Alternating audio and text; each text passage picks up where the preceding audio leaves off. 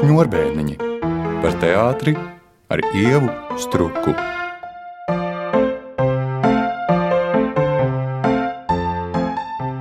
Mana sarunu viesne šodien raidījumā Šņurbēniņi ir dēls teātris aktrise Ieva Segliņa.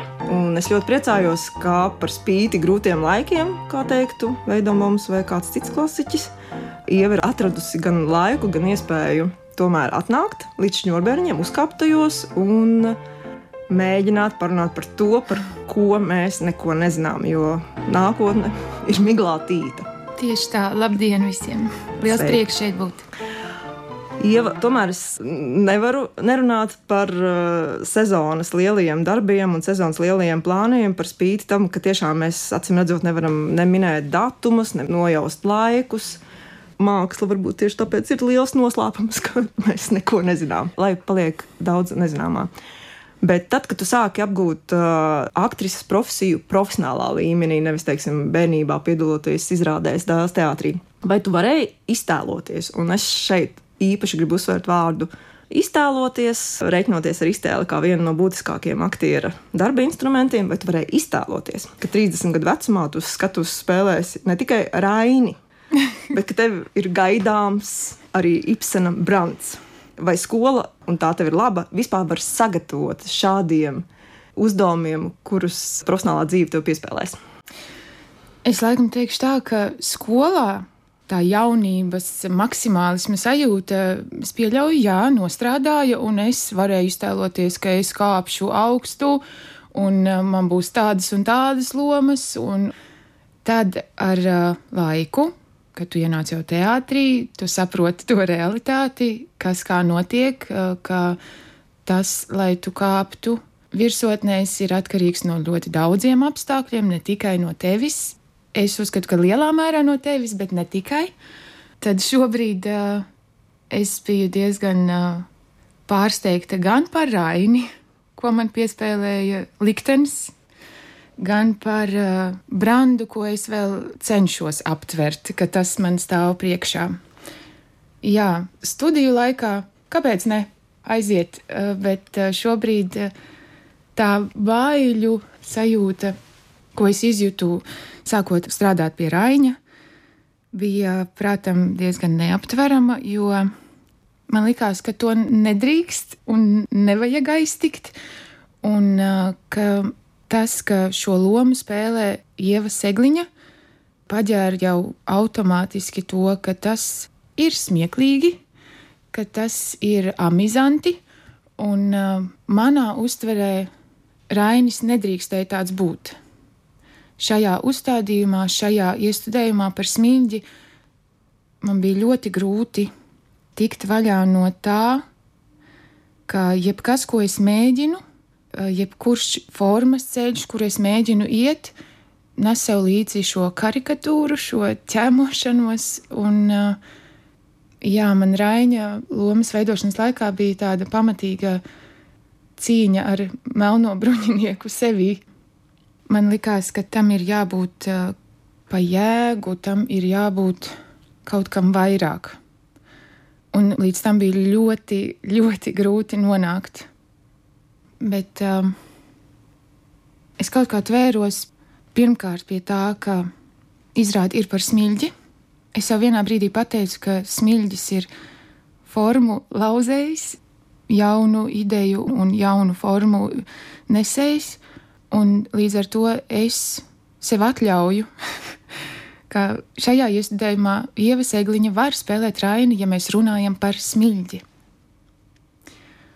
Un uh, tad es sev pateicu, ka es vēlos aiziet to ceļu, kur smieklīgs un asprātīgs ir Māra Zālītas teksts, nevis tas, kā Ieva Sēgliņa spēlē raini.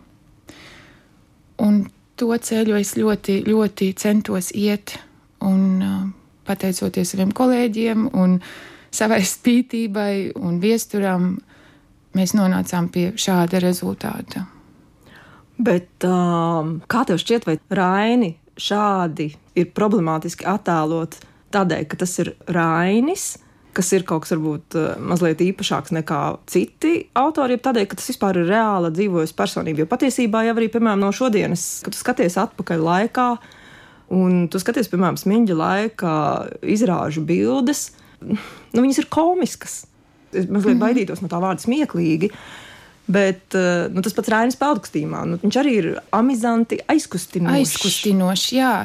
Manā uztverē viņš nav smieklīgs, tieši tā viņš ir aizkustinošs. Un, uh, Manuprāt, lielākais ieguvums izrādēs mīļģis, un tas attiecas uz visiem personāžiem. Man ir tā sajūta, ka mēs spēlējot šo izrādi, mēs spēlējam viņu ar nedaudz cieņā noliektu galvu. Un tā nav glaimojoša smilģim izrāde, tā nav uh, slavējoša, tā ir reāla, bet ar cieņu pret savu vēsturi, pret uh, šiem dižgariem, Un tas nebija uzdevums, tas vienkārši tā notika. Kopā ar viestura idejām un inscenējumu un mūsu kaut kādu izpratni par to, kā skatīties uz šiem cilvēkiem, reālajiem cilvēkiem, ka tas vairāk aizkustina, nevis liek uh, smieties un brīžiem izsmiet varbūt šo teatralitāti. Jā. Bet, jau, kā tev šķiet, kas padara dižgaru par dižgaru? Jo patiesībā man izgājušajā Kirillas Rebriņkova skolu par ēņu sapņiem, ir tā sajūta, ka, ka tomēr ir vērts nodalīt cilvēku no viņa darbiem. Viņa darbi ir diži, viņa, protams, padara to cilvēku par dižgaru, bet viņš jau pats ir tikai cilvēks ar turklāt ārkārtīgi.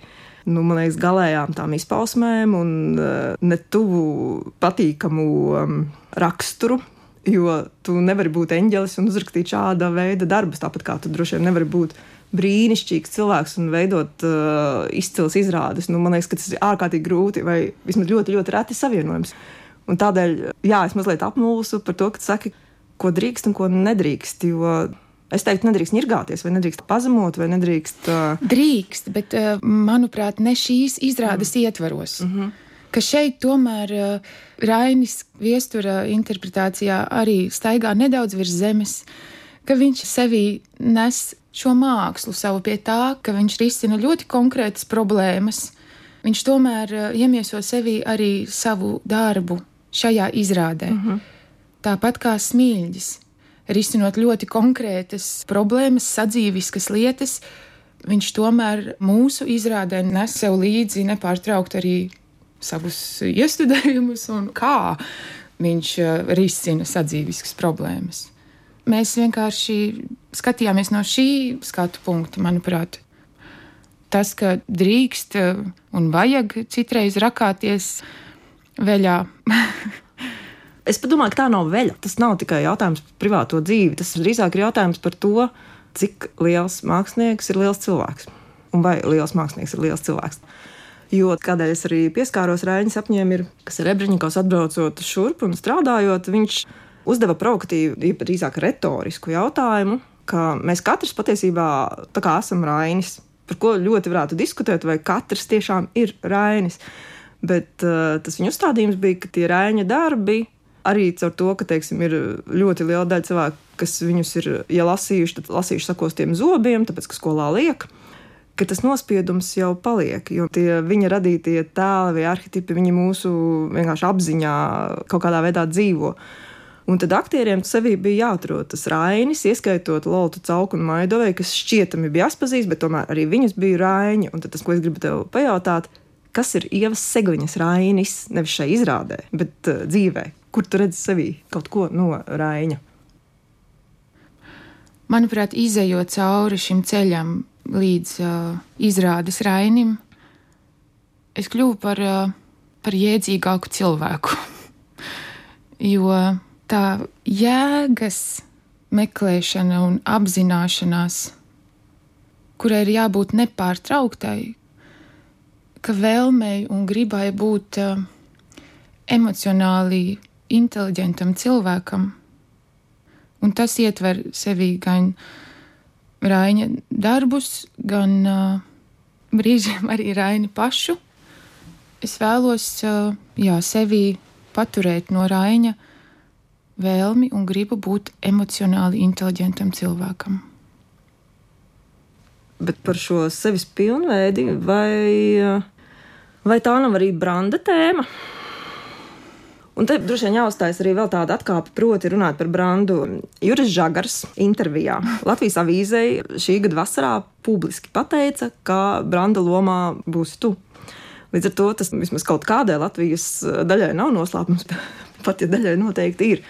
Un mēģinājuma process neatkarīgi no tā, kad tas sāksies, vai tas sāksies šodien, pēc mēneša vai pavasarī.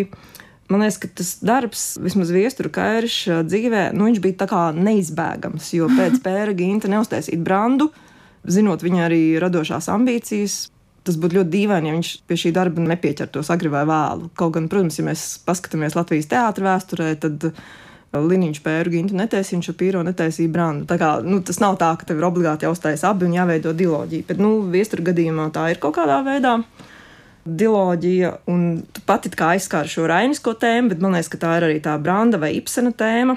Un tāpēc es gribu pajautāt par tavu aktrises vai mākslinieces priekšstatu, kas tad ir brands. Jo, protams, ka tu nevari ne šobrīd runāt par izrādes koncepciju, ne par, ne par to, kā darbs notiek, kamēr tas vēl nenotiek. Bet uh, es domāju, ka neviena teātris skolu bez šī darba, vismaz zināšanām par šo darbu, beigt uh, nevar. Un visticamāk, ka tu jau par tēmu esi domājis, jo droši vien aktieris nevar nedomāt, ja viņam pasaka, ka tu būsi, es nezinu, Hamlets vai, vai Pērs Gins vai Brands. Tad kas pēc tavām domām ir eh, būtiskā tēma brandā? Bet tev šai gadījumā Jā. kā aktrisei? Es tiešām ar šo tēmu dzīvoju kopš tās dienas, kad es par to uzzināju, kas bija liels satricinājums un emocionāls piedzīvojums un saviņojums. Un, uh, Pirmie vārdi, ko es eh, sev, protams, pateicu, bija: Nē, es to nevarēšu, viestur, tu esi ārprātīgs. un uh, tad emocijas es savācu un sapratu, ka šāds izaicinājums varbūt ir iespējams arī tikai vienreiz dzīvē. Un tad ar tādu branda spāru es jau esmu savās domās metusies tajā iekšā un uh, ļoti gaidu brīdi, kad mēs tiešām ķersimies tam klāt man brāns ir par, par gribu, par vēlmi būt labākiem, par spēju just, par virzību uz augšu, kalnā un uh, sevis pārvarēšanu, lai uh, sevi atrastu šo drosmi tam. Un uh, es par to domāju ļoti daudz šobrīd, raugoties apkārt uz cilvēkiem, kas arī ir liels satricinājums man un atklājums par to, kādā sabiedrībā mēs dzīvojam šobrīd, jo es laikam biju kaut kādā ziņā pasargāta savā mākslas pasaulē no tās realitātes, un šobrīd tas man tiešām emocionāli satricina. Lielas daļas apkārtējo cilvēku nespēja būt uh, empātiskiem, nevēlēšanās iedziļināties un izprast. Un te nav runa tikai par uh, šīs dienas aktuālāko tēmu, bet, uh, bet arī par nesenajām tēmām. Pēdējā pusotra mēneša laikā man ir sajūta, ka es stāvu un man tā pa vienam izsit un izsit tos pakāpienus. Un, uh, Un tagad es attopos, un es esmu spiesta redzēt to agresiju un emocionālo pagrimumu cilvēkos, sabiedrībā. Un man, man ir bail to apzināties. Man ir bail, bail to redzēt. Man tas ir jāredz kā māksliniekam, bet manī tas iedvež bailes no saviem līdzcilvēkiem, kas ir diezgan traģiski, manuprāt. Jā, laikam tajā posmā šobrīd es esmu domās gan par sevi, gan par brandu. Tas skatu punkts, kādā tu nosauc visas šīs lietas, tam visam varu tikai pievienoties. Tas viss šai lugā ir. Bet vienlaikus man liekas, ka tas ir tiešām arī darbs par upuriem. Jā. Par spēju nest upurus un arī par uh, lai cik tas izklausītos skarbi, arī par tādu nežēlību gan pret sevi, gan pret citiem, lai šos upurus ne tikai nestu pats, bet arī pieprasītu nest citus. Un tad ir jautājums, jā, kur beidzas un kur sākas tās cilvēka tiesības, teiksim, no kāda cilvēka kaut ko.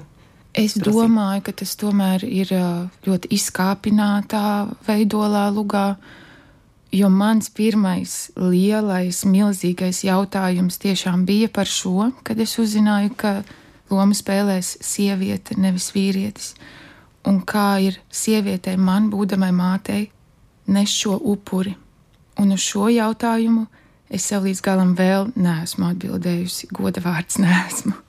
Bet droši vien izrāda, nu, tad, kad viņa būs, ja viņa būs, tā ir tieši tik liela, lai par šo turpinātu runāt pēc jā. tam, kad tā būs tapusi un būs par to domāts. Bet nu, jā, šis sabiedrības modelis, kurš ir. Uh, izkurtējis, un kur uh, mēs visi tiešām sastopamies aizvien vairāk, katrs droši vien savā izpratnes līmenī, kur tad ir tās problēmas ar viņu ar ko cīnās nevis katrs indivīds, bet sabiedrība kopumā. Jā. Nu, man, jā, tur es varētu teikt, ka tā luga ir uh, ļoti aktuāla un uh, ir jēga tai parādīties. Bet šai kontekstā es dažkārt domāju teiksim, gan par uh, viestura citiem darbiem, gan par šo ieceri, ka, nu, tu, piemēram, mini vārdu bail. Bail no līdzcilvēkiem. Un tad es gribu jautāt, vai tu sastopies vispār ar šādu situāciju, esot uz skatuves, ka tev ir bail būt nesaprastai. Jo nu, es nevaru noliegt. Man brīžiem liekas, ka mēs piedāvājam kaut kādus darbus, kuri nu, vai nu šim laikam nav vajadzīgi, vai šiem cilvēkiem nav vajadzīgi, vai tās nav tēmas, par kurām eh, domā cilvēki, kas ir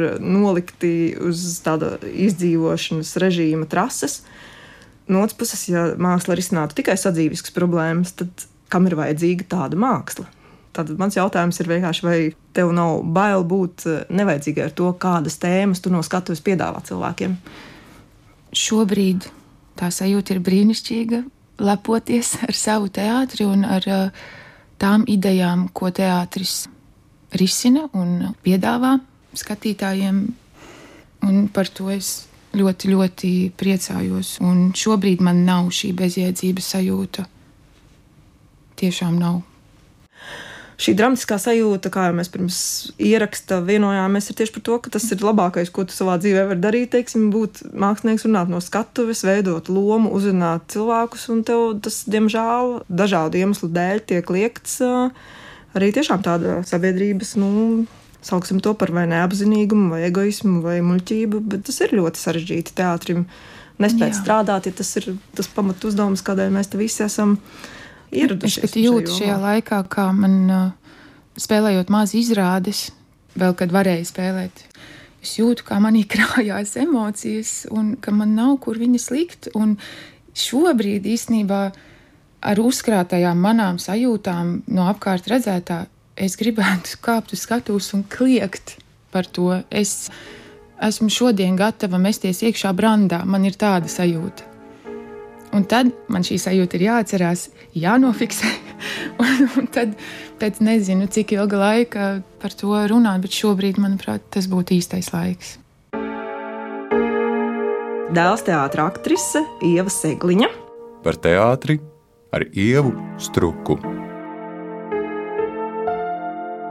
Runāt par tādiem spēcīgiem vārdiem un jēdzieniem, es gribēju pieskarties vēl vienai tēmai, proti, Dāļas kanons un šīs izrādes kanons. Šķiet, ka tas ir kaut kas obligāts, un tad mums parasti daudzi saka, nē, tikai ne obligāti, un tieši mākslinieki saka, nu, kas var būt obligāts, kas var būt kanons. Bet man kā skatītāja vai kā cilvēku, kurš strādā blakus teātrī, ļoti uzrunāja tieši tas jēdziens, dēls kanons. Nu, katrs netiek ierakstīts kanonā, bet tu esi ierakstīts kopā ar Juriju Bartkeviču un Platonu Buravicki, runājot rokpeļņa dzēju un tev iemiesojot šo dzēju. Kā tu raugies uz šo jēdzienu dēls kanons un kas tev ir dēls kanons? Es izstāstīšu to sajūtu, kāda man bija tajā periodā, kad šie dailes kanoni tika mēģināti un veidoti. Jo viņi notika pēc kārtas, un jebkurā brīdī kāds no dēles kanona dēles dārzā mēģināja. Un eh, tad starp mēģinājumiem, kas notiek lielajā zālē, man bija iespēja noiet dēles dārzā, apsēsties un uh, iegrimt kādā no dēles kanoniem. Un tas bija satriecoši, kad tu nokļūsti tajā es teiktu, tā līksmo zināšanu pasaulē, ka tu ar tādu prieku uztver visu, ko tev sniedz, ka tu redzi Juris Strangu, kurš, manuprāt, visu dzīvi ir vēlējies runāt nīči no skatuves. Un Šipkevica Jāņa milzīgā cieņa pret šo mākslinieku, kas kopā ar viņu ir uz skatuves Mani tas tā aizkustināja, man ir milzīgs pagodinājums būt kopā ar šiem mūsu lielajiem dēļas teātra cilvēkiem vienā kompānijā. Un tas tiešām man, man notika katrā no kanoniem, kur es redzēju. Es sapratu, ka tās ir līksmas zināšanas. Es vēlos pēc katra no kanoniem atvērt grāmatu un lasīt un gūt. Tā virzība, tā vēlme pilnveidoties un mainīties Un tas, manuprāt, nāk un iet viscaur, mainīties uz augšu.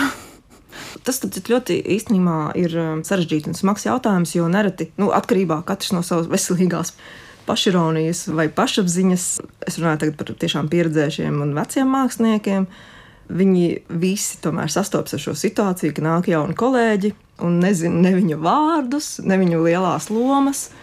Un, principā, jebkurš liels cilvēks, jauna cilvēka acīs, ir tikai viens no. Nav šo ne asociāciju, ne emocionālās piesaistes. Un, nu, visticamāk, pēc 40 gadiem tu piedzīvos tieši tādu pašu situāciju ar kādu jaunu kolēģi, kas ienāks un teiks, nu, Ieva Segliņa, ah, dēls kanons, ne, ļoti jauki. Es ticu, ka tā bija, ka viņa bija laba aktrise. Bet tad es tev vienkārši gribu pajautāt, kas ir tava lielā dēla, kas ir tavi lielie dēls, aktieri, vai obligāti tas nozīmē, ka tu viņus esi sastapusi uz skatuves, ja ir vēl kāda kritērija, lai, lai tev liktos, ka jā, nu šos cilvēkus nekad nedrīkstētu aizmirst. Tas nav tikai smieģis, es šajā gadījumā tiešām vairāk par aktieriem. Es jau nedaudz pieķeršos pie tā, ko jūs teicāt, nedaudz ātrāk par šiem jaunajiem cilvēkiem, kas ienāk teātrī. Un es domāju, ka tā nedrīkstētu būt un nevajadzētu būt. Kad tu ienāc teātrī un uh, tu nezini, kas ir Olga Trēģa, un tu nezini, ko viņa ir darījusi iepriekš. Un uh, ir jauni aktieri, kas šobrīd ienāk uh, teātrī, un par kuriem man ir milzīgs prieks, ka viņi ienāk tomēr ar lielu cieņu un uh, pietāti pret Dailes teātri, kurš sevi ietver arī šos lielos aktierus ka viņiem nav vienalga, kāda vēsture ir bijusi šim teātrim, kādiem laikiem tas ir gājis cauri, cik grūtiem laikiem, un ka Dailas teātrim vienmēr ir jāiet cauri kaut kam nērtam un caur grūtībām jānonāk pie mērķiem, tad jā, es uzskatu, ka ir pienākums katram Dailas teātrim jaunajam aktierim saprast un apzināties, kur viņš ienāk. Tā nevienmēr ir realitāte, bet tā tam vajadzētu būt. Un tā būtu arī jāaudzina aktieri. Un tas, starp citu, Krievijā izpaužas ļoti spēcīgi. Tas ir viņos ieaudzināts šī milzīgā cieņa pret uh, lielmeistariem, pret uh, tiem, kas ir veidojuši teātra vēsturi. Viņi ienāk un viņi apzinās, kur viņi ir. Bet tā ir tāda, laikam, jau sabiedrības kultūras kaut kāda iezīme un paradumi, kuras, manuprāt, mums arī ir jāievieš. Bet tev pašai, kas ir dēls virsotne? Virsotne. Nu, lai nebūtu visu laiku jālieto vārds kanons.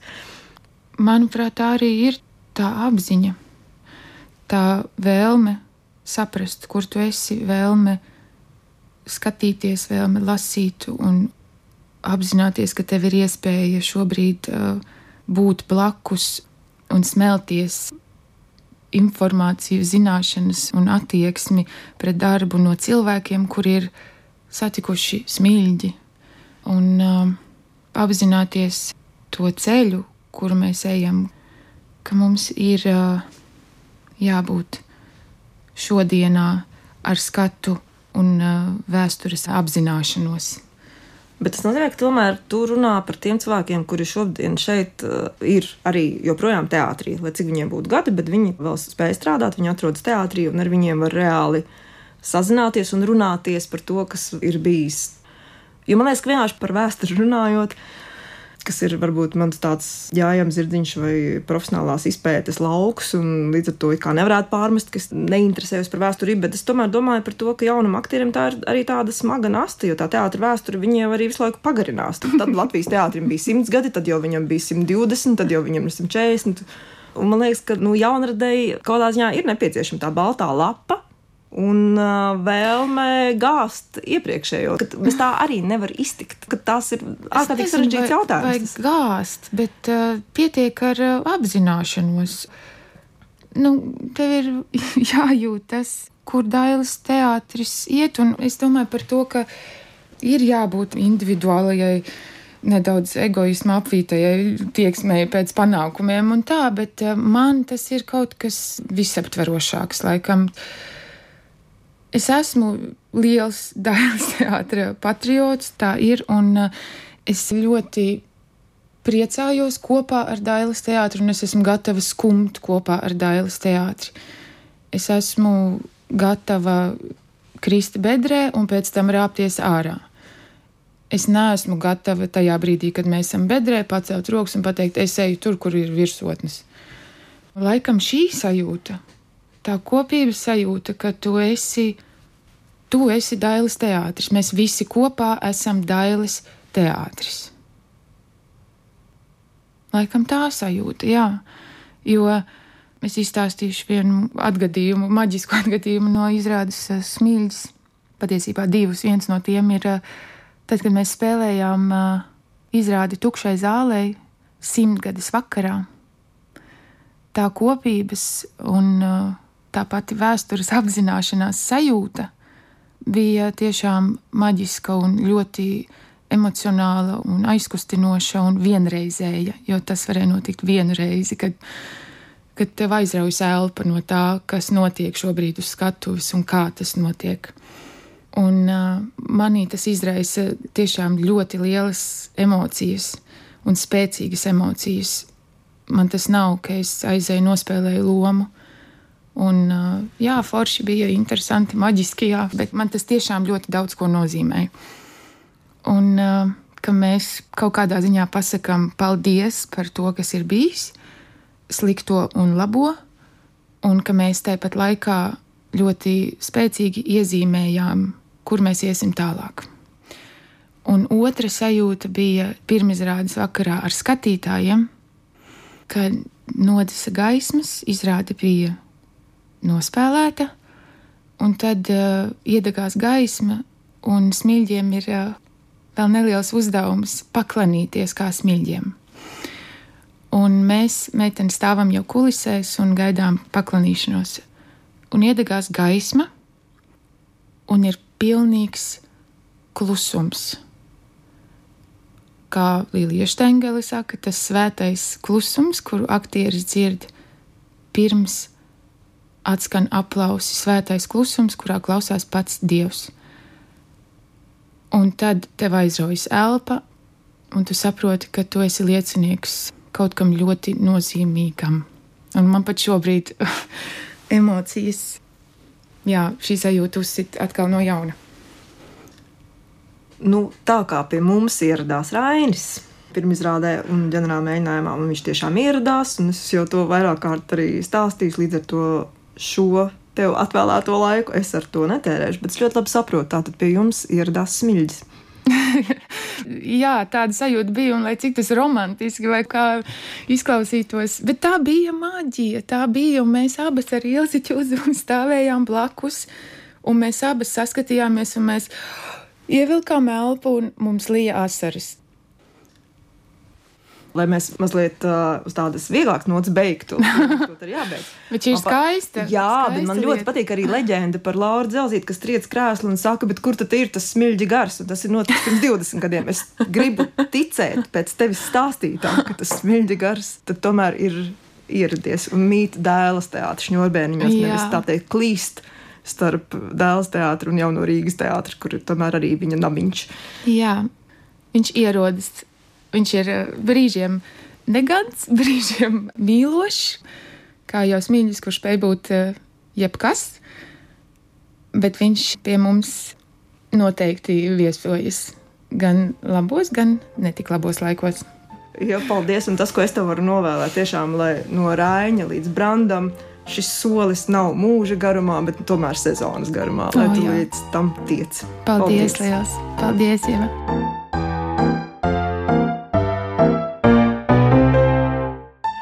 Ar jums sarunājās Ieva Sēgliņa dēls, teātris un teātris zinātniece Ieva Struka, raidījuma producente Sandra Liedzvecka.